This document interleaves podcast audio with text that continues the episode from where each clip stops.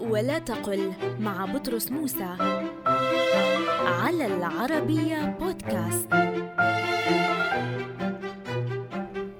كثيرا ما يتم استخدام كلمة سائر على أنها تعني كل لكنها في الأصل غير ذلك تماما لأن كلمة سائر تعني الباقي من الشيء ففي المعجم كلمة السائر من الشيء تعني باقيه.